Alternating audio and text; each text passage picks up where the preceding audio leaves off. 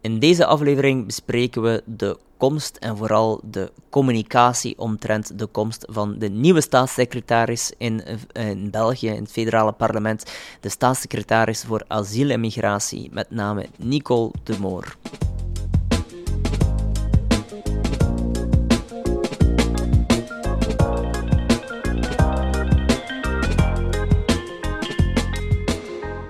Welkom bij alweer een nieuwe aflevering van de podcast Opiniemakers. En zoals jullie als trouwe luisteraars uiteraard wel weten, is dit een stukje de nieuwe versie van onze vorige podcast, uh, de podcast Marketing en Verkiezingen. Maar we hebben het in een nieuw jasje gestoken en in plaats van voornamelijk het hebben over politieke marketing, willen we het nu wat breder trekken. Dus we gaan vooral gaan kijken en uh, ja, spreken over hoe opinies worden gemaakt en hoe opiniemakers met media omgaan. Binnenkort uh, hebben we de eerste interviews. Er, zijn alvast, uh, of er hebben alvast heel wat boeiende gasten toegezegd. Dus ik ben, uh, ja, ik kijk er naar uit. Dus binnenkort online. Maar in deze aflevering zullen we, het nog, of zullen we nog eens terugkeren naar onze goede oude roots. Want we zullen het opnieuw hebben over politieke marketing. In uh, deze aflevering bespreken we de, de komst van een nieuw politieke persoon, een nieuwe politica, met name Nicole de Moor, de nieuwe staatssecretaris voor asiel en migratie, de vervangster van de nu nieuwe voorzitter van CD&V, Sami Medi. Nu, wat mij vooral opviel, en dat is ook meteen de reden van deze aflevering, is dat heel veel mensen op uh, Twitter, heel veel uiteraard, op Twitter kan je meestal niet spreken over heel veel mensen. Maar zwart, dus een bepaald toch, uh, uh, een bepaalde president, minister-president zou zeggen, een opvallend deel, uh, heeft toch uh, het tweet dat het een zeer goede keuze zou zijn. En dat, ja, dat deed mij, of dat zette mij aan het denken, want ja, het is toch opvallend dat zoveel CD&V'ers zeggen schitterende keuze, terwijl laten we eerlijk zijn, de meeste mensen haar eigenlijk niet En uh, je moet al op een kabinet gewerkt hebben waar zij ook uh, werkte, of je zou al een zeer, zeer, zeer goede volger moeten zijn van alles omtrent asiel en migratie. Maar laten we toch eerlijk zijn, de grote meerderheid uh, kende Nicole de Moor, staatssecretaris Nicole de Moor, nog niet. Maar toch, zoveel reacties binnen de CD&V. Schitterende keuze, wauw, fantastisch, yes, yes, yes. Um, nu, dat ja, dat is toch raar als je haar niet kent en toch zegt dat het een schitterende keuze was. Dus ja, laten we dat even psychologisch analyseren. En we hebben dat eigenlijk uh, ja, kunnen benaderen ook van een enkele een aantal psychologische technieken. En de eerste ja, heeft eigenlijk te maken met uh, uh, hoe, de voorzitter Sami Medi haar heeft ingeleid. eerst en vooral je moet je toch zien dat dat uh, zij werd ingeleid als de warme Thatcher. Wat ik persoonlijk uh, niet zozeer het sterkste frame vond. Ik zou, dat, ik zou niet zozeer spreken over de warme Thatcher. Ik begrijp uiteraard van waar dat, dat komt. Maar ik denk voor een achterban als CD&V met uh, uh, ja, die, die twee, twee strijd links-rechts zou ik niet zozeer voor Thatcher kiezen, zeker niet ook voor asiel en migratie. Nu, langs de andere kant is het wel goed, omdat je een bepaald bestaansframe eigenlijk versterkt met een ander uh, frame, warm. Dus je gaat enerzijds warm gaan spreken en anderzijds Thatcher, die vooral gekend staat voor haar dat krachtig uh, beleid. En dat is onmiddellijk, zoals we in de vorige podcast, of toch in de vorige podcast van de Marketing en Verkiezingen podcast, meermaals hebben besproken, is het belangrijke evenwicht tussen warmte en competentie. En met dit frame te gebruiken, met deze ja, een stukje labeling dat je gaat toepassen op die persoon, creëer je onmiddellijk wel een frame van oké, het is enerzijds een warm persoon, dus die warmteas, en anderzijds een competente leidersfiguur. En zo heb je eigenlijk op een uh, heel eenvoudige manier onmiddellijk die persoon geframed op de juiste manier. Dus enerzijds hoog scoren op warmte en anderzijds hoog scoren op leiderschap, op competentie. Dus op zich, uh, het uh, gegeven van warme Thatcher is goed gevonden. Mm, persoonlijk zou ik misschien toch eerder een ander frame kiezen voor een CD&V-achterban, maar het idee is wel uh, goed toegepast. En dat is eigenlijk de eerste eerste subtiele nudge, zouden we, zo kunnen wel, zouden we wel zo kunnen zeggen, die ertoe geleid heeft dat zoveel mensen uit eigen achterban uh, er, ja, erover tweeten dat het een goede keuze was.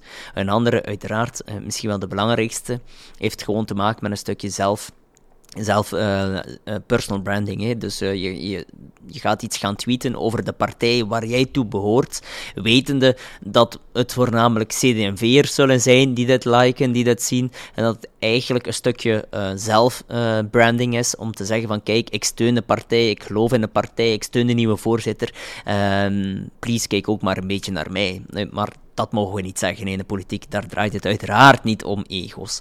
Maar de derde uh, reden uh, heeft eigenlijk ook dan ook weer te maken met die autoriteit, maar autoriteit door associaties. En wat je heel uh, vaak zag in de positionering, ook hoe ze werd gepositioneerd in de media, is iemand die heel veel ervaring heeft. Dus 15 jaar ervaring. En dat dan spreken wij vaak in onze workshops over de autoriteitseffect door jaren ervaring. Je kan op verschillende manieren je autoriteit verhogen als uh, brand, als persoon. En Eén ervan is autoriteit door kleding, denk maar aan de lange witte jas. De andere is autoriteit door ervaring, jaren ervaring. En dat zie je dus dat hier nadrukkelijk werd uh, naar voren gebracht. 15 jaar ervaring op kabinetten, de expert. En uh, ja, zo verhoog je dus opnieuw je geloofwaardigheid als persoon door uit te spelen hoeveel jaren ervaring je hebt. De andere is dan weer autoriteit door associaties. Is ook een techniek die hier werd gebruikt of meermaals werd genoemd. Dus ze heeft gewerkt op kabinetten van. En dan werd er uh, vermeld kabinetten van Koen Geens, kabinetten van, ik dacht ook, uh, Chris Peters. En dat zijn binnen de CD&V-afdeling of binnen de CD&V-achterban wel geloofwaardige personen. Um, Misschien heeft uh, Chris Peters de laatste jaren het wat moeilijker gehad, maar zeker Koen Geens, ja, dat, die wordt toch gezien binnen de CD&V-achterban uh, als een geloofwaardig persoon. En door de autoriteit van die personen krijgt zij ook weer een stukje die autoriteit op haar gekleefd. Dus um, ja, autoriteit door jarenervaring, autoriteit door associaties met anderen, dus de kabinetten. En anderzijds ook autoriteit um, een stukje door hoe de voorzitter haar heeft ingeleid, zoals er iets zegt, de warme Thatcher. Maar langs de andere kant heeft het ook te maken met een andere psychologische techniek, de commitment- en consistentietheorie. Um, een hele belangrijke, wat is commitment en consistentie? Als je een bepaalde keuze hebt gemaakt, dan is de kans groot dat je bij die keuze zal blijven. Nu, er zijn er heel veel psychologische onderzoeken naar gedaan, maar nu toegespitst, op deze ehm, case is natuurlijk de voorzitter is recent verkozen. Met uit het hoofd 96%, 96 of 97%. Um, dus dat wil zeggen dat de meeste CD&V'ers ervoor gekozen hebben om Sami Medi als voorzitter uh, te hebben. Nu, het is nog niet zo heel lang geleden.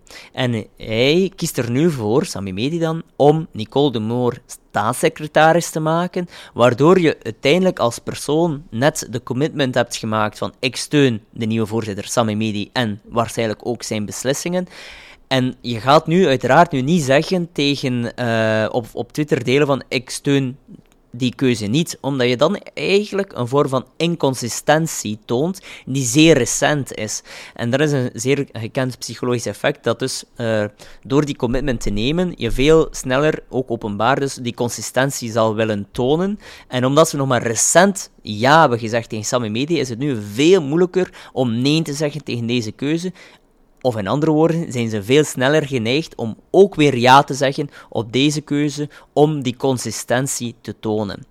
Dus je ziet uiteindelijk, en uh, ja, op deze manier zijn er, ik weet niet hoe bewust, uh, maar er zijn toch wel een paar psychologische technieken die ervoor zorgen dat, ondanks we de persoon Nicole de Moor eigenlijk nog niet kennen. Ik heb op Instagram gekeken en ik dacht iets van 300 volgers, op uh, Twitter ook zoiets. Dus um, laten we wel wezen, in politieke termen is dat uh, ja, onbekend. Maar ondanks ze onbekend was, um, toch heel veel mensen die reageren. Schitterende keuze, waarvoor ik uh, mijn hand in het vuur steek dat ze ze eigenlijk gewoon uh, tweeten op basis van eerste indrukken, want ze kennen haar niet. Maar door die psychologische technieken, dus die warmte-competentie-as, door de autoriteit van die kabinetten, door de autoriteit van jaren ervaring, door hoe de voorzitter haar heeft ingeleid, door ook de commitment en consistentie dat ze net hebben gestemd voor Sami Medi, is er toch een positieve branding rond haar persoon. En dat eh, is uiteraard bij de start een hele, hele belangrijke, want een andere psychologische techniek, het primacy effect, toont ook aan hoe belangrijk de eerste indrukken zijn bij de evaluatie van vervolgacties. Dus uh, ja, dat is uh, vanuit een CD&V-perspectief missie geslaagd.